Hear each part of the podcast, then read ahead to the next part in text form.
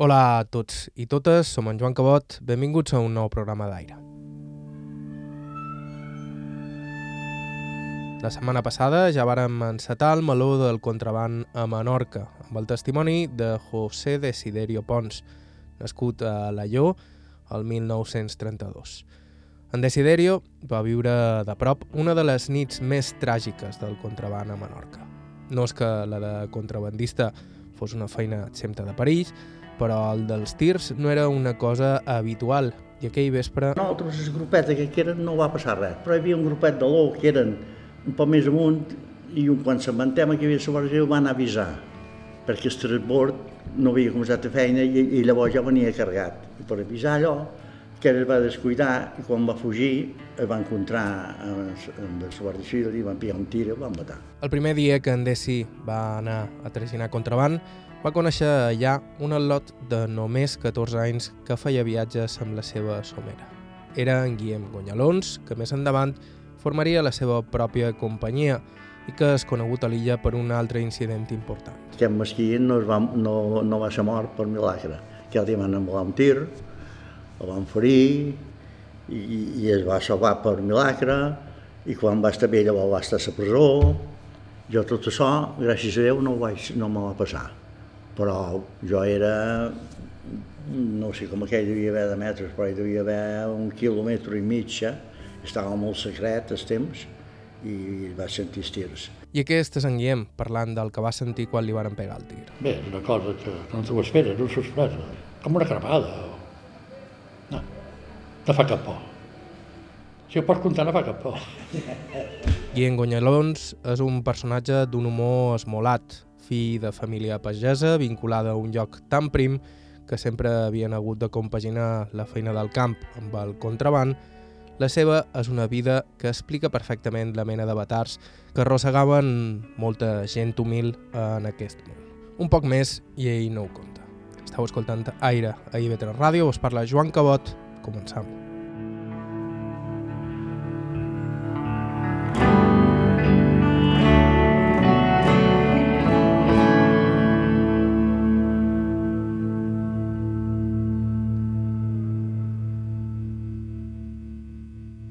Abans d'escoltar el testimoni d'en Guillem, però, volíem conèixer un poc millor les peculiaritats del contraband a Menorca, on tot es manejava més o manco igual que a Mallorca, però amb certs detalls curiosos. Aquesta és Pau Salort, director de la Biblioteca i Arxiu Històric de Maó, i que durant 14 anys va gestionar l'arxiu de la imatge i el so de Menorca. Salort va recollir un bon grapat de fons orals de gent del camp, carboners, pagesos, etc., que varen participar en una activitat estesa i fins a cert punt acceptada socialment. És ells no sentien que haguessin fet res dolent. No... Ells el que veien és que era una manera de sobreviure. Perquè l'altra manera era emigrar o, o bueno, supos que ningú se li va ocorrir robar ni res, però era, era bueno, una alternativa per anar fent un rinconet per, per, per poder-se casar, per, per poder comprar allò que necessitaven. Eh, a part, la gent tampoc, la gent necessitava tabac, i el tabac era, era escàs i car, i la sucre era molt difícil de trobar, i anaves en cartilles de racionament, vull dir, bueno, i mercat negre sempre ha vingut. De fet, en, en els llocs on allà sub, escassa subsistència, doncs, doncs, des de fa molt de segles d'allà, contraband, el que es dedicaven els menorquins, els ibicencs, durant molt de segles era transportar coses amb el vaixell que moltes vegades no, no eren legals dedicant l'expulsarisme, que sí que era legal, però bueno, força legal d'atacar en els barcos que no eren els teus. Per tant, bueno, és una manera més de subsistir, era intrínseca a la societat. Vull dir, tothom sabia qui eren els que feien contraband. Tothom sabia qui eren els caps i tothom sabia qui eren els joves que, que feien contraband. Jo record que encara quan era petit eh, hi havia bars de, dels pobles, bars de tota la vida que és antic, cada ball al mostrador te traien un, que traien un sobre i, i hi havia les eh, trompetes, els caliquenyos, bueno, tenien una, una, oferta, una oferta de tabac il·legal que, que, que avui en dia ens resultaria molt sorprenent, no? Vull dir, la cosa és que era, era, una, era, una, era un comerç totalment habitual i que la gent s'hi dedicava i, i, a més a més, és que ben mirat, ha de pensar que la majoria de, dels llocs aquests, de, de les possessions que estan en el sud de Menorca són de petita extensió, amb uns terrenys que no són molt, molt, molt, molt, molt productius i molta gent que, que estava en aquestes zones i estava sobrevisquent. I llavors això era un, una... El contraband era un... No, no era una cosa en la qual se va enriquir eh, molta gent. Alguns sí, evidentment, alguns es van enriquir, però la majoria el que tenia era un, un sobresou, un sobresou com quan anaven a caçar tors a temps d'estors, o, o, o un sobresou com si diguessis vaig vaig a fer estivada a cada un altre per, per, per treure un poquet més. Evidentment, un dia de viatge, de, de, de dur, traginar un sac d'aquest de 50 o 60 quilos o una caixa de, de 50 o 60 quilos, doncs, era més o menys com un dia, com un mes de feina, 100 pessetes, o un duro per guardar, per guardar els, els secrets. Vull dir, hi havia tot un escalofó entre, entre els qui, els qui només feien de, de, de transportadors i els qui, i els qui a més a més, doncs, fe, tenien els secrets a casa i, se'ls jugaven també. Quan va, per, quan va començar a acabar el contrabando, ja ens estarien, mos estarien entrant a, a l'inici de, de, de, del món del turisme, en el qual moltíssims d'aquests pagesos jornalers, eh, aquesta gent se'n van a fer de, de, de picapedrers, de, de, de, van entrar dins el turisme i van guanyar molt més. Alguns es van fer taxistes i en un any doncs, van guanyar el mateix que havien guanyat tota la vida. És a dir, quan es va poder sortir d'aquest món es va, es va sortir. Així que a Menorca i a Mallorca, vides paral·leles. De fet, la connexió entre elles era constant i el contraband a Menorca depenia de l'illa Gran i dels seus grans noms. El que es veu és que, tot i que no hi hagués un, una superfamília o super, super capo que, que ho gestionés a Menorca, sí que es veu que els contactes eren a Mallorca i que des de Mallorca es feia el contacte amb el nord d'Àfrica, i de, perquè moltes vegades xerren de capitans anglesos que arriben i que fan la transacció amb ells, però la comanda, diguem, s'havia fet a través de Mallorca. Jo m'imagino que aquí sembla que hi havia un home d'en de Marc, que estaria aquí a Menorca, que seria un poc el canal de, de control cap a Mallorca, però després aquí no hi havia un... És a dir, aquí hi havia doncs, diferents famílies i fins i tot el que se'n deien companyies, que, era, que és una cosa que jo em va sobtar bastant, perquè eren com si fossin societats anònimes on la gent havia, societats en comandita, on la gent havia anat posant un, un doblers que tenien per, per, per, per comerciar, eh? com si tinguéssim una botiga mitges i, i en funció de la quantitat o la proporció que tu tenies dins d'aquella societat, doncs, eh, els beneficis també eren proporcionals. I aquestes societats també cobrien els possibles problemes que hi pogués haver, que, una, que un embarcament no funcionés bé. Vull dir, per tant, sempre hi havia uns guanys acumulats que, que podien servir per, per, per cobrir despeses, per, per cobrir qualcú que havia d'anar a la presó i alimentar la família, perquè no, perquè no expliqués de, de, de on venia, de qui era la família i tot això. I, i aquestes societats, doncs, segurament, doncs, funcionaven sobretot a Sant Climent, que n'hi havia dues, sembla que potser els mitjors també tindria alguna cosa així. Eh, els altres, pues, sí, no, tindrien famílies que sí que controlaven més a, a aquest negoci. Una curiositat del contraband menorquí és que una part important es reembarcava cap a altres indrets, aprofitant el pes de la indústria i exportacions locals. Mm, bona part del contraband que arribava a Menorca, ja fos des de Sant Climent, de Sant Lluís a, a, a, o de l'O, una part, mm, no sabem quina, quin percent d'aquesta part, se, se, se reembarcava cap a Barcelona o cap a la península. Llavors, aprofitant aquestes indústries que hi havia de sabates, de frontisses, de bijuteria, amb algunes hi havia contactes per reintroduir dins aquestes caixes que tenien, bueno, tenien facilitat per transportar, perquè ja era habitual que hi hagués un transport d'aquest tipus de productes, i se n'anaven cap a la península. És a dir, feien com a de canal de redistribució fins i tot també directament en el barco. Eh? Hi, havia, hi havia paquets que anaven en el barco de, de línia cap a, cap, a, cap a Barcelona en convivència, en concomitància eh, amb algun de, dels, dels, dels mariners que hi havia en el barco.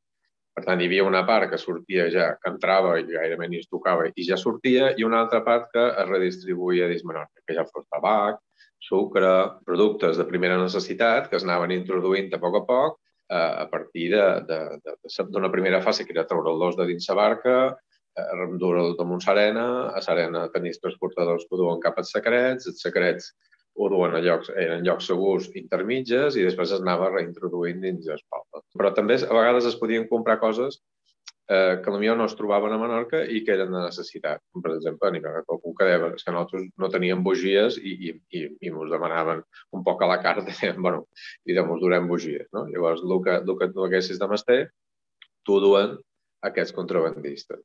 Les forces públiques també ho sabien i, i n'eren partíceps i, i probablement eh, doncs estaven, no probablement no, més, que segur, estaven, estaven també pagats per aquestes companyies, per aquestes famílies, perquè la Guàrdia Civil no intervingués o, o es pervinés o la policia nacional més endavant. Uh, I els polítics, doncs, probablement també tot, tothom sabia perquè tothom comprava tabac. És dir, probablement la Guàrdia Civil és més que segur que també. El que passa és que però, cada vegada que hi havia un, cap de, un canvi de cap de, de la Guàrdia Civil, doncs, alguna reestructuració o, o hi, hi havia un sergent que arribava i tenia ganes d'actuar contra això, però bueno, això és exactament igual que passava a Mallorca, vull dir, no.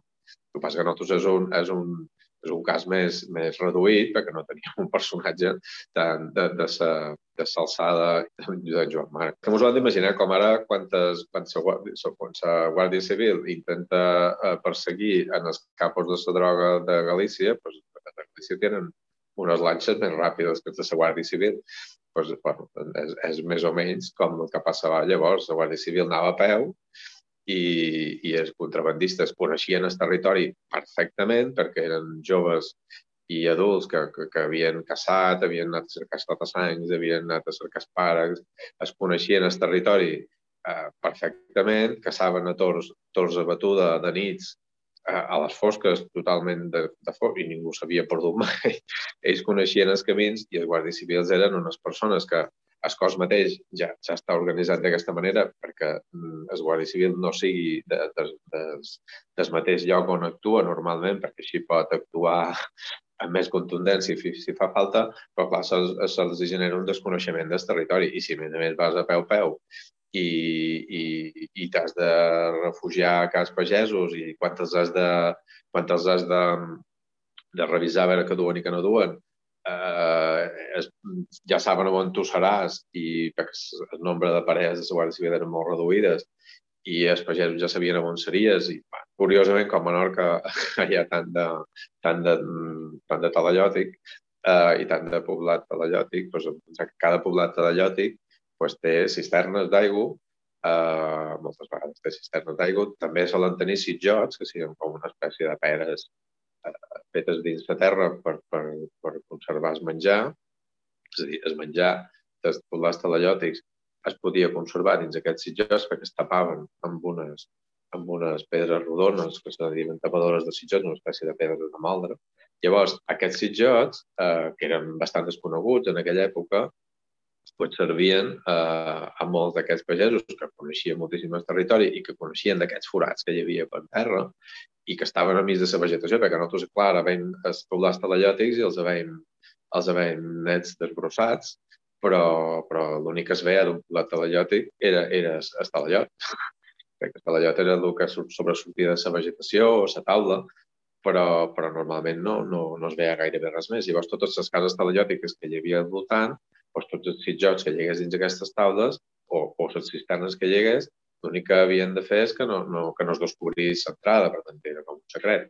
A més a més, també, molts dels talallots doncs, tenien una part, no, els talallots de Menorca són massissos de dintre, però es podrien fer, es podien fer forats, bueno, hi havia qualcun, el millor que era, que era foradat, però també podien servir per, per, posar, per posar material. Eh, evidentment, per la Guàrdia Civil eh, trobar aquest material, si no hi havia un xivatasso i no haguessis agafat a un que visqués, no sé, a Sona Casana i que li digués, mira, doncs aquí ja has forat, o tu rau, i dir, mira, aquí ja has forat, i aquí, i aquí has allà el contrabando, doncs era, era gairebé impossible trobar-lo per ells. I a més a més, al cap de quatre dies els tenien comprats i ells pues, tenien un sobresou també, és a dir, la Guàrdia Civil, que tampoc no estava molt ben pagada, també tenia un sobresou i tothom content. Fins que la fiscalitat espanyola eh, no es va donar compte que hi perdia més que hi guanyava que bon, probablement això també feia que, que, els, que els cossos de seguretat no, no es queixessin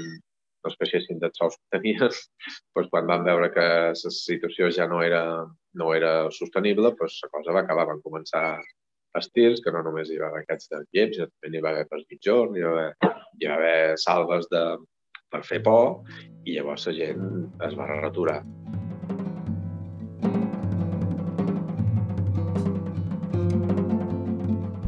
Un d'aquests incidents va involucrar aquest home d'aquí, Guillem Gonyalons, la primera persona que entrevist a qui li han pegat un tir. El seu nom complet és... Guillem Gonyalons Gomila va néixer el 36, dia 16 de setembre. Va néixer una finca que es diu Cotainet, que és del terme de l'O. Jo sempre he fet de pagès. Llevat d'alguna època que vaig fer 3 o 4 dies a l'aeroport, i ja els avions, com vaig veure, me marejava, tenia vèrtigo.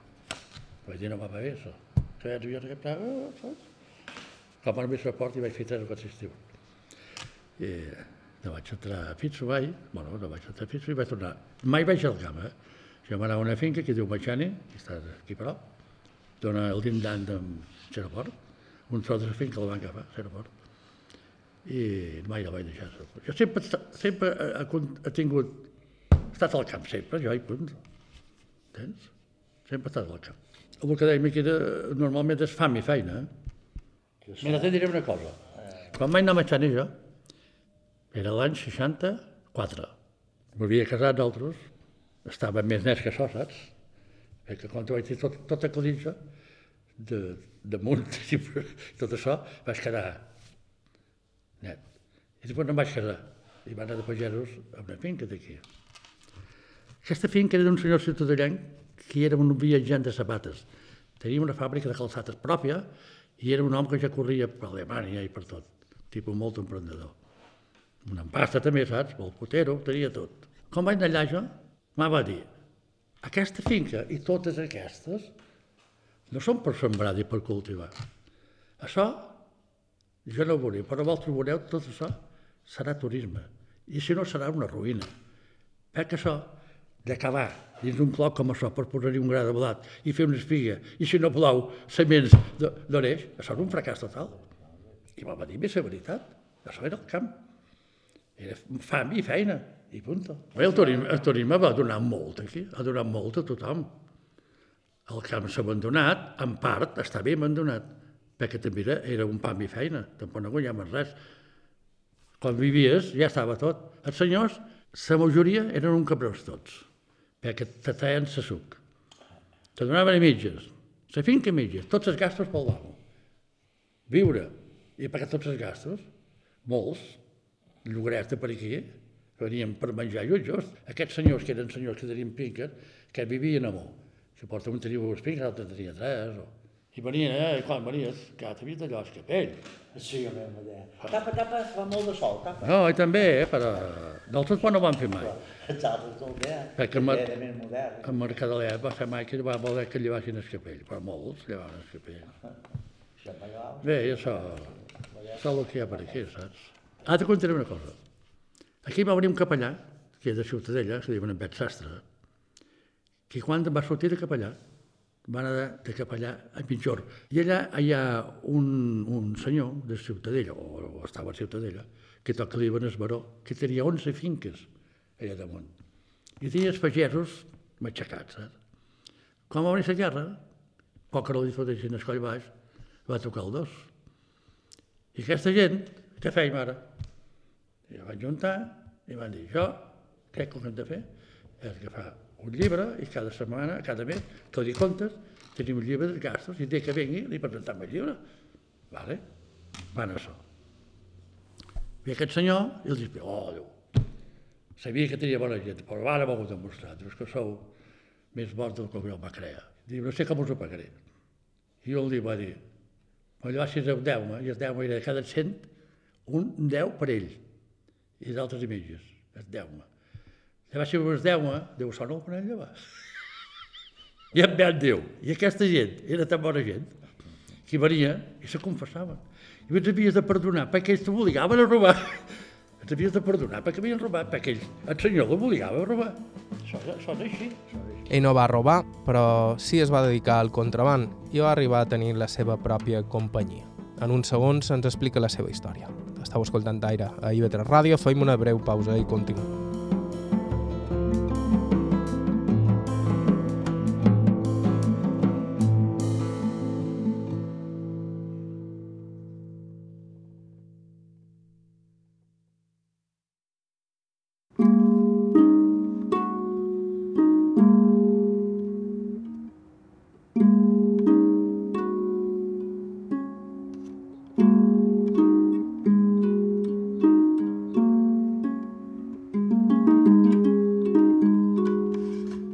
Hola a tots i totes, som en Joan Cabot, benvinguts de nou a Aire.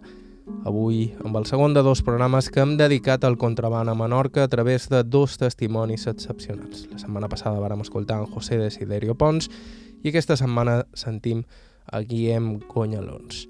Abans de continuar, aprofitant per recordar-vos que si voleu escoltar el programa anterior o qualsevol dels programes del nostre arxiu, ens trobareu qualsevol plataforma de podcast i allà mateix us podeu subscriure al programa i que també, si ens deixeu alguna valoració, ens ajudau a difondre el nostre treball. Fa uns segons escoltàvem Guillem Gonyalons parlant de la pagesia a Menorca, una vida de fam i feina. Era una feina antiga, que el que havia per tot, que llauraven amb bícies i cavaven amb un càvec i feien això. Sembraven i cuien, i a vegades cuien poc i a vegades cuien més.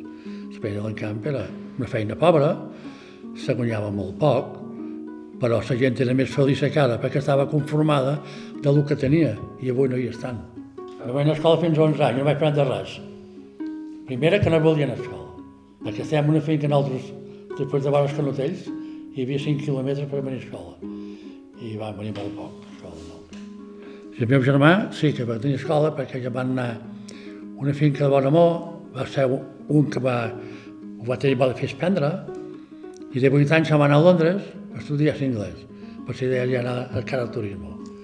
I va aprendre anglès, després ell va fer un any a Alemanya, i va venir. Ell se'n va anar amb 18 anys allà. Considero que va ser un valent, perquè en 18 anys, en aquella època, anar a Londres tot sol, que el matí havia de fer feina i es que havia, o al revés, havia escola i es que havia de fer feina a un restaurant per pagar l'escola, jo no sé si havia anat. No, no, jo vaig anar fins a molt i prou, però... Van anar a poca escola i van fer molta feina, com feien, però sempre dir que una cosa, que no m'arrepeneix de res del que he fet, perquè jo, la vida meva, la considero una bona vida. Tingut cinc germans, un pare i ma mare, no m'ho embarassen ningú, tinc quatre fills, tinc sis nets, un rebeinet, tots feien molt bo i això per jo és la riquesa més grossa que puc tenir. Jo els doblers és una importància, però hi ha coses que tenen més importància que els doblers. Doblers, però, en Guillem en va fer. I en va fer gràcies al contraband. I va començar de ben jove, quan només tenia 14 anys. Me van començar a fer contrabando, perquè una cosa és fer contrabando i salten a fer feina de contrabando. Hi ha molta diferència. Començar a fer feina de contrabando, van començar a fer feina, jo que tenia 14 anys, l'any 50, amb aquesta gent, que anaven a traginar un sac, de, ell ha dit una cosa que no, és, no és com jo, eh, quan venia la part que feia feina sí, guanyaven 150 peles, guanyaven 30 duros, per anar d'un sac de cafè des que no té ell d'aquí, del poble, en guanyaven 10. Això va ser la primera que vaig cobrar jo fent feina de contraband. I, va, i, va, i jo hi anava perquè venien a fer feina a la casa, que nostra. Nosaltres la finca tenies que no té que era de la finca. Clar, si havies anat a una altra banda no m'ho haurien dit, o no hi hagués anat, però com que venien a Can Nostra, jo tenia ganes d'anar-hi també i, i vaig anar. Per això vaig començar molt jove, més que molts. Tots ells més joves de tots. Mon pare no era contrabandista. Mon pare era una cosa que li agradava. Així que a ma mare li agradava molt, perquè jo ho he vist a casa seva, mon pare no havia anat mai, i era una cosa que ho feia per necessitat, perquè en aquella època el camp era molt pobre i el poble també era pobre, era pobre tothom i molts per necessitat es van dedicar a fer això. Perquè per gust, agafar un sac de 60 quilos d'escrotells d'olor Sant Climent d'Homó no era un gust molt agradable. Era una necessitat que teníem i fèiem per necessitat. Hi havia moltes cases de feina, hi havia la feina bruta, de fer feina com a burros, però hi havia aquells que eren els que venien, els que repartien com feien ells, el que hi havia. Quan van deixar d'anar amb la companyia que anaven ells, qui es va desfer, Vaig van muntar una altra companyia i ells, o ells, els socis, suport, i, eh, i nosaltres vam muntar una altra, vam fer dos. Nosaltres telefonaven a Palma, com van muntar per nosaltres, que un telegrama, perquè no hi havia telèfon, telegrama, ta, pam, pam, anava allà a la Rebaleta, a la central, que fa, te donava una hora, i te deien, demà soparem junts, en el bar tal, i que demà, demà vindrien, o demà passat. Això és el sistema que feien. O nosaltres ho fem així. I és que ho feia tothom. Ara un dia que tenies gana de, de sortir, un anava a Palma a fer dos o tres dies allà amb aquesta gent, per ganes de sortir també, saps què vull dir? Doncs que tinguin necessitat de venir allà. Va dir, nosaltres vindrem i farem un parell de dies per allà i mos veurem. Jo també tenia un conco que estava a la vall de Santanyí, que amb Joan Marc, que aquella gent com va, me va passar això, com vaig estar bé, me van enviar a demanar, ells i un soci de la companyia que m'ho enviava, perquè el mal d'aquí, jo crec que va ser que no ens donaven prou confiança a nosaltres. Perquè allà en Marc, amb en Fontanet i els bastards eren amics, que eren els tres grossos de Palma. Nosaltres fèiem feina amb els bastards. I ells tenien un metge especialista del cor, del pulmó. I van dir que vengui i vull que aquest metge el visitin aquest. Van anar a veure aquest senyor, ens va fer una radiografia, això, per part d'en Joan Marc. Part del meu conco, que feia 30 anys que estava allà. I aquell me va dir, mira, això està complicat. Això tens les costelles aferrades. Com que me'ls va rompre, me'ls va fondre, no va bastar, sos, perquè no hi va ser. I va formar un call, les tres juntes, quin cal tenc, això. Això, han de tar, han de posar un trosset de plata cada una ho de soldar i després, amb els temps, això era bastant llarg. Anava bé, anava bé, això. I fer-ho com... I jo li dit, mira, si no... Ara dic que no. Si en quart un dia me decideix que estic fotut, i he anat sempre així. He tingut poca molèstia, com a refred. A vegades fas una, més força del que pots. I fa, eh, que falla, perquè la costella no, no, no, no fa el que toca, entens? La costella, tenim un tel que quan tu fan una, un esforç, el tel aquell funciona. Jo aquest costat no me funciona, per aquest motiu. I el vostre de- conco també s'hi dedicava. pobre. Anna? I el vostre conco també s'hi dedicava. Sí, estava a la retaguardia, que ell tenia un poc de- d'accions, per feina no, no, no feia. Perquè la tia meva era la dona de la confiança de la senyora d'Enverga. Allà hi havia senyors i, i els pobres i l'amo, l'amo Guillem. La meva tia estava de- d'encarregada, la dona de la confiança d'aquella gent.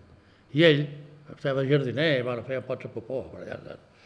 I, ella, I aquella època, a Can Marc, a, Ca- a la vall de Santanyí, tots qui feien feina, a la vall hi diuen part amb el negoci. Tots hi diuen part.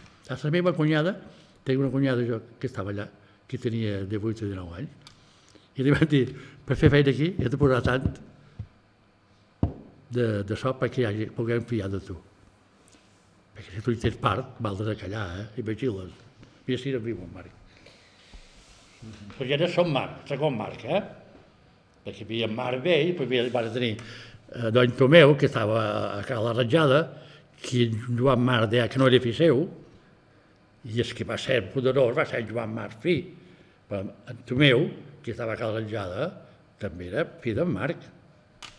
El que semblava ser dir que si no era fill d'ell, que la dona havia anat amb una altra. Sabia més comentaris que vaig sentir jo en aquests concurs meus que van fer la vida allà.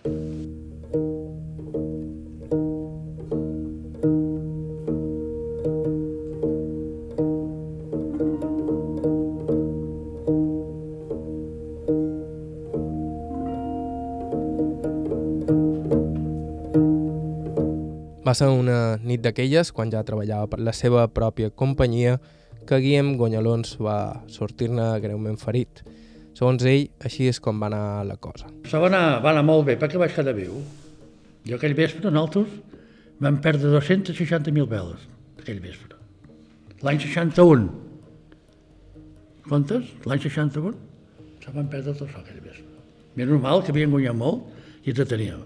I me van poder treure de la presó me van poder pagar un poc, que vaig fer un any sense fer feina, i, i res més. Perquè si no, havia hagut de fer quatre anys a la presó. Que ja m'havia agafat una vegada jo, amb un cordó i un ego, un cavall, un ego tot que era, i aquella vegada em vaig sortir molt bé, perquè vaig, vaig quedar fitxat. Aquella vegada me van muntar i em van tancar. El que van requisar és carretó i cego i el van tenir mig any arrestat. I va sortir subhasta, i quan va sortir subhasta, mon pare va dir, agafar un, que era un comerciant, i hi van a dir, i van tornar a replegar per poques peces. Només hi va dir un, i va dir, se va tant, i el va dir un moment. I van tornar a recuperar. Allà va anar molt bé tot. Aquell dia va anar molt bé. L'altre dia no hi va anar bé. Havia anat molt bé. Però jo sempre, sempre me'l culpo un poc jo, també, saps? Que era molt jove, nosaltres. I havien guanyat molt de dobles. I les dobles vegades t'atraeixen. Entens? La confiança. És així. Nosaltres anaven a Palma, però vam formar una companyia, tres al·lots, perquè jo tenia 24 anys, jo en tenia 27 o 8, Federico, i l'Ari en tenia 23, i dos senyors de l'Home van dir, si voleu formar una companyia, nosaltres posem 100.000 peles i vosaltres feis la feina i poseu el 10% i feim feina mitges. I van fer molta feina i van guanyar molt. A Ciutadella teníem un molt bon mercat, que sempre anaven a fer bastanta feina a Ciutadella, però després passa que el que te dic, llengua llarga, i quan un te va bé, d'enveja n'hi ha, pum, no pots imaginar l'enveja que hi ha. Vostè aquell que li va bé, és cabron aquest, eh? Jo vaig comprar una, una moto 91, llavors, que n'hi havia dues a Menorca només. Clar, aquest, un pagès amb una 91 per aquí, que pot aquest? Què m'entens? I a vegades, ser jove, això com un pare modern, eh? això no, no anava bé, això no anava bé, això no anava bé. I va tenir tota la raó. El que també va ser un cas que a Menorca no havia passat mai. Tira un, farina un a Barcelona, i cada un any matar un altre, del mateix grup, també ja vol dir una mica de coses, saps? Ja fa pensar. Ja fa pensar. No, sents, no és que sigui en res, però fa pensar. Al vespre del que parlam, Bueno, mira, jo anava travessant un camí, jo anava davant, i uns quatre cinc me va fotre una sota així. Para ser vostè, jo vaig fotre expulsada. I ell va, va, va, va fotre un tir, i va ser tot. Me va tirar de darrere, jo vaig agafar el doble i me vaig girar, i vaig mullar les caixes. I pam, pam, pam, em va tirar, em va tirar quatre o cinc i van quedar parlant de totes la paret. Amb amb el Rafael de forma, el senyor d'aquella finca, quan vaig sortir de tot això, van, vaig anar a Borel, i diu, vine a veuràs. I en el camí hi havia encara les bales marcades a la paret. Saps? Jo crec que aquell home el que va tenir va ser més poc res. Era un jove, perquè va, ho va fer pagar en el sergent i no ho era el sergent. Era un soldat que era un nou, era un, era un... Jo ho sé cert era això. Perquè després de molts anys, jo vaig anar a passar la revisió, a curs de, de Sant Lluís aquí, hi havia aquest, en Mendes aquest. I jo li faig, vinc a passar la revisió de les escopetes perquè dic que les armes són perilloses. Diu, sí que ho són perilloses. Jo m'ho has de dir, jo també. Ho va dir que sí.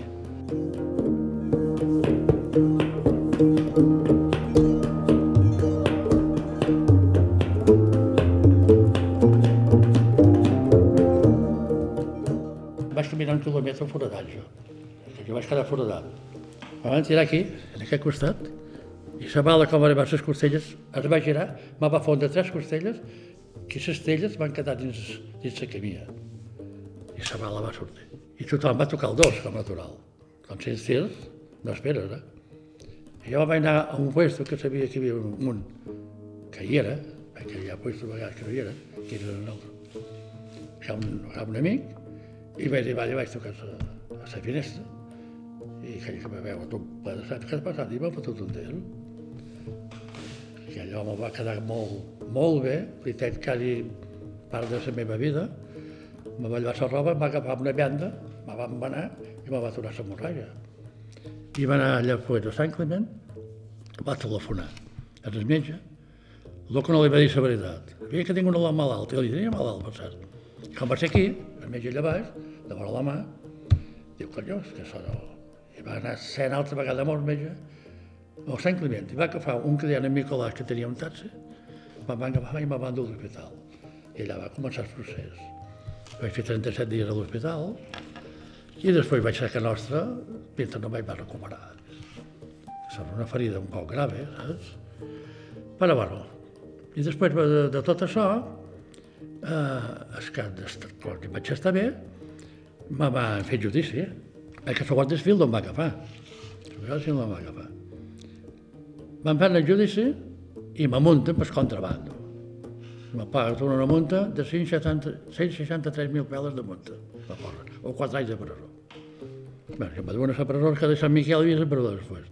Que hi ha un, hi ha un convent de monges en que de Sant Miquel, allà era la presó llavors. Me duen allà, i, si, i en Damià, em deia Badec, que era que me duen gerro, me'ls enviava, diuen aquell, tu aquell està tancat, i ja so.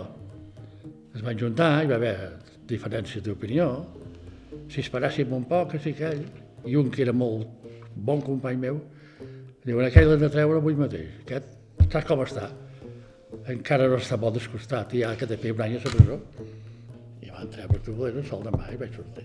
S'acaba aquí, però llavors m'havien de demanar perquè jo he fet resistència a la Guàrdia Civil i ell m'ha disparat en, en defensa pròpia, declaren ells.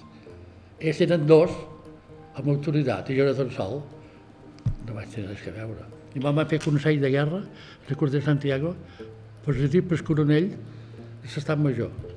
I me surten dos anys de presó.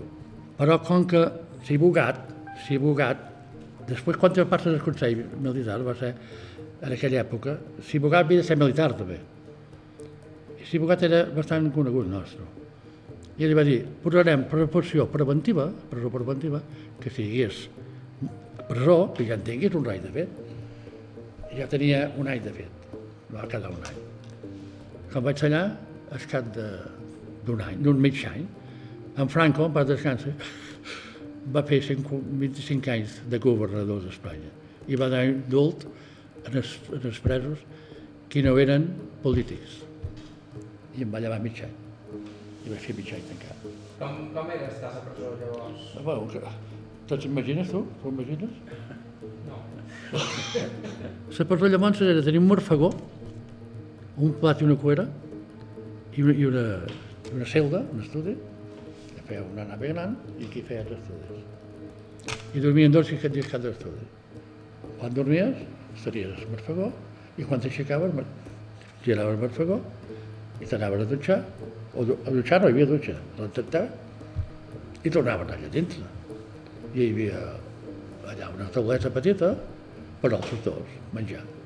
Quan te diuen menjar, pues, menjar i menjaves i per avall. I això ja és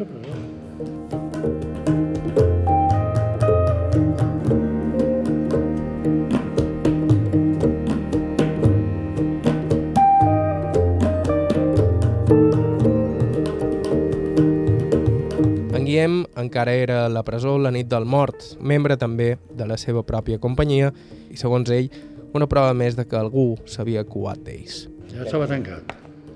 I per cert va venir aquest taló que van matar aquí. Va venir veurem, me va contar, me va dir el que pensaven fer.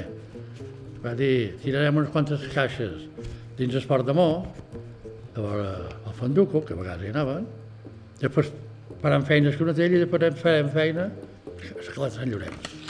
I el sol de matí, a la plaça de Mó estava la presó de Montesmercat i hi ha un pati voltant, voltant, que hi volta totes les canisseries. I, i al mig hi ha un pou. I els els placers s'empraven l'aigua allà del pou per fer net quan acabaven la canisseria. I, aquest senyor tenia un piosco, Antoni Bauer. I sent que pouen, el dia de Pasco de matí, puta, que encara van d'ahir de feina, i guait, i veig Antoni, i, i va fer, Dic que hi ha, jo malament molt. I do, diu, una mort torn i n'hi hem de tancat. Doncs quin dia, tu? I jo llavors dic, ho vam fer dir com mort, que dic, oh. I la i mort va ser, eh? Sí, va ser sèrio, va ser molt sèrio. Això no havia passat mai, això. No havia passat mai més. La primera paraula que t'he dit. Poble petit, llengua llarga. Aquí va venir un, un, un cabo primera, que havia fet molt d'anys a Santanyí. Que, que m'ho vivíem el tabac, el coneixia molt. Que era Castellcón, Capo Negre. Allà es venia com un porc. Allà es venia a tot el fotia d'altre una malder. I, i veia que un, es venia per bulto. Si tu fos dues 100 sacs, ell volia una passeta per sac. El fill d'altre no comptava en sacs. I si no li deien no, 70, no, jo hi era i va ser 100 que vau dur. Mira com ho tenia. I com va ser aquí, va dir no, aquí no em puc vendre. No em puc vendre perquè aquí és massa petit i la gent et sap i no vull que, que perdis puesto. Aquí tenim una desgràcia. Aquí tenim una desgràcia que es diu poble petit, llengua llarga. Això és així. A Palma no ho és així. És un poble, com que és tan gran, no pot controlar tant la gent que, que tu fas una cosa. Aquí que fas una cosa, avui fan feina aquí i demà n'hi ha 40.000 que ho saben. N'hi ha 10 que no diuen res. I n'hi ha dos que ho diuen i ja està batut. Ja és això, no? La meva experiència. Home, i l'Erti va ser, però a vegades no basta. Jo creia que anava a l'Erti i em van fotre un tir, que paguem. I un company meu la van matar. Però l'Erti que vas, si te volen fotre, te foten. I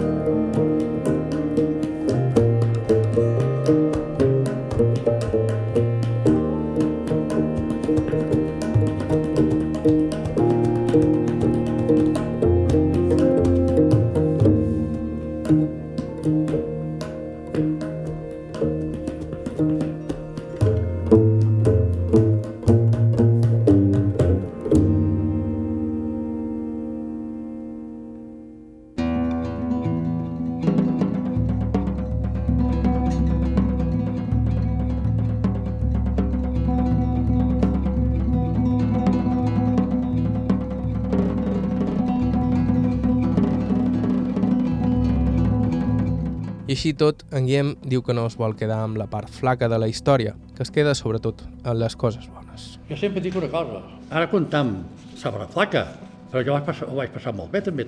Vaig tenir èpoques molt bones, i bones oblidades. Jo sempre he pagat de la banda bona. El flac el té de banda. Perquè el flac ja que olvida, no? Mira, la part bona que un dia anaven al trocadero i havia una femella bona, me la tiraven, una de les tantes. De bona, no? Són les coses que hi havia. I, I tenim un dia que vaig a una festa, tinc una moto, tinc el que no tenien els altres. És la part bona, per jo. La part flaca és. Això és la part, la part flaca jo la descant. També tinc una cosa molt en compte, que estic molt tranquil de la meva vida, que no deia res a ningú i no tinc enveja de ningú. Nosaltres va ser uns, un dels, un dels primers que vam estrenar, Titos. Titos el van obrir el dissabte dels Reis de l'any 61. I van a cercar un quants pagesos que feien feina perquè havien vingut de- d'inglès i un peix d'avions d'aquests per anar, i faltaven balladors. I van deixar que gent que feia feina, sorpresa de Titos, per venir màscara perquè hi havia gent i t'havia de tenir aquelles.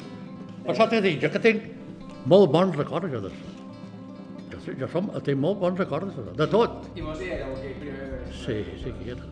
Però, però hi van anar a posta, perquè uns amics nostres van dir avui hi ha una festa, obren Titos i hi haurà un festival. No, anem a Titos. No sembla un mal pla, veritat?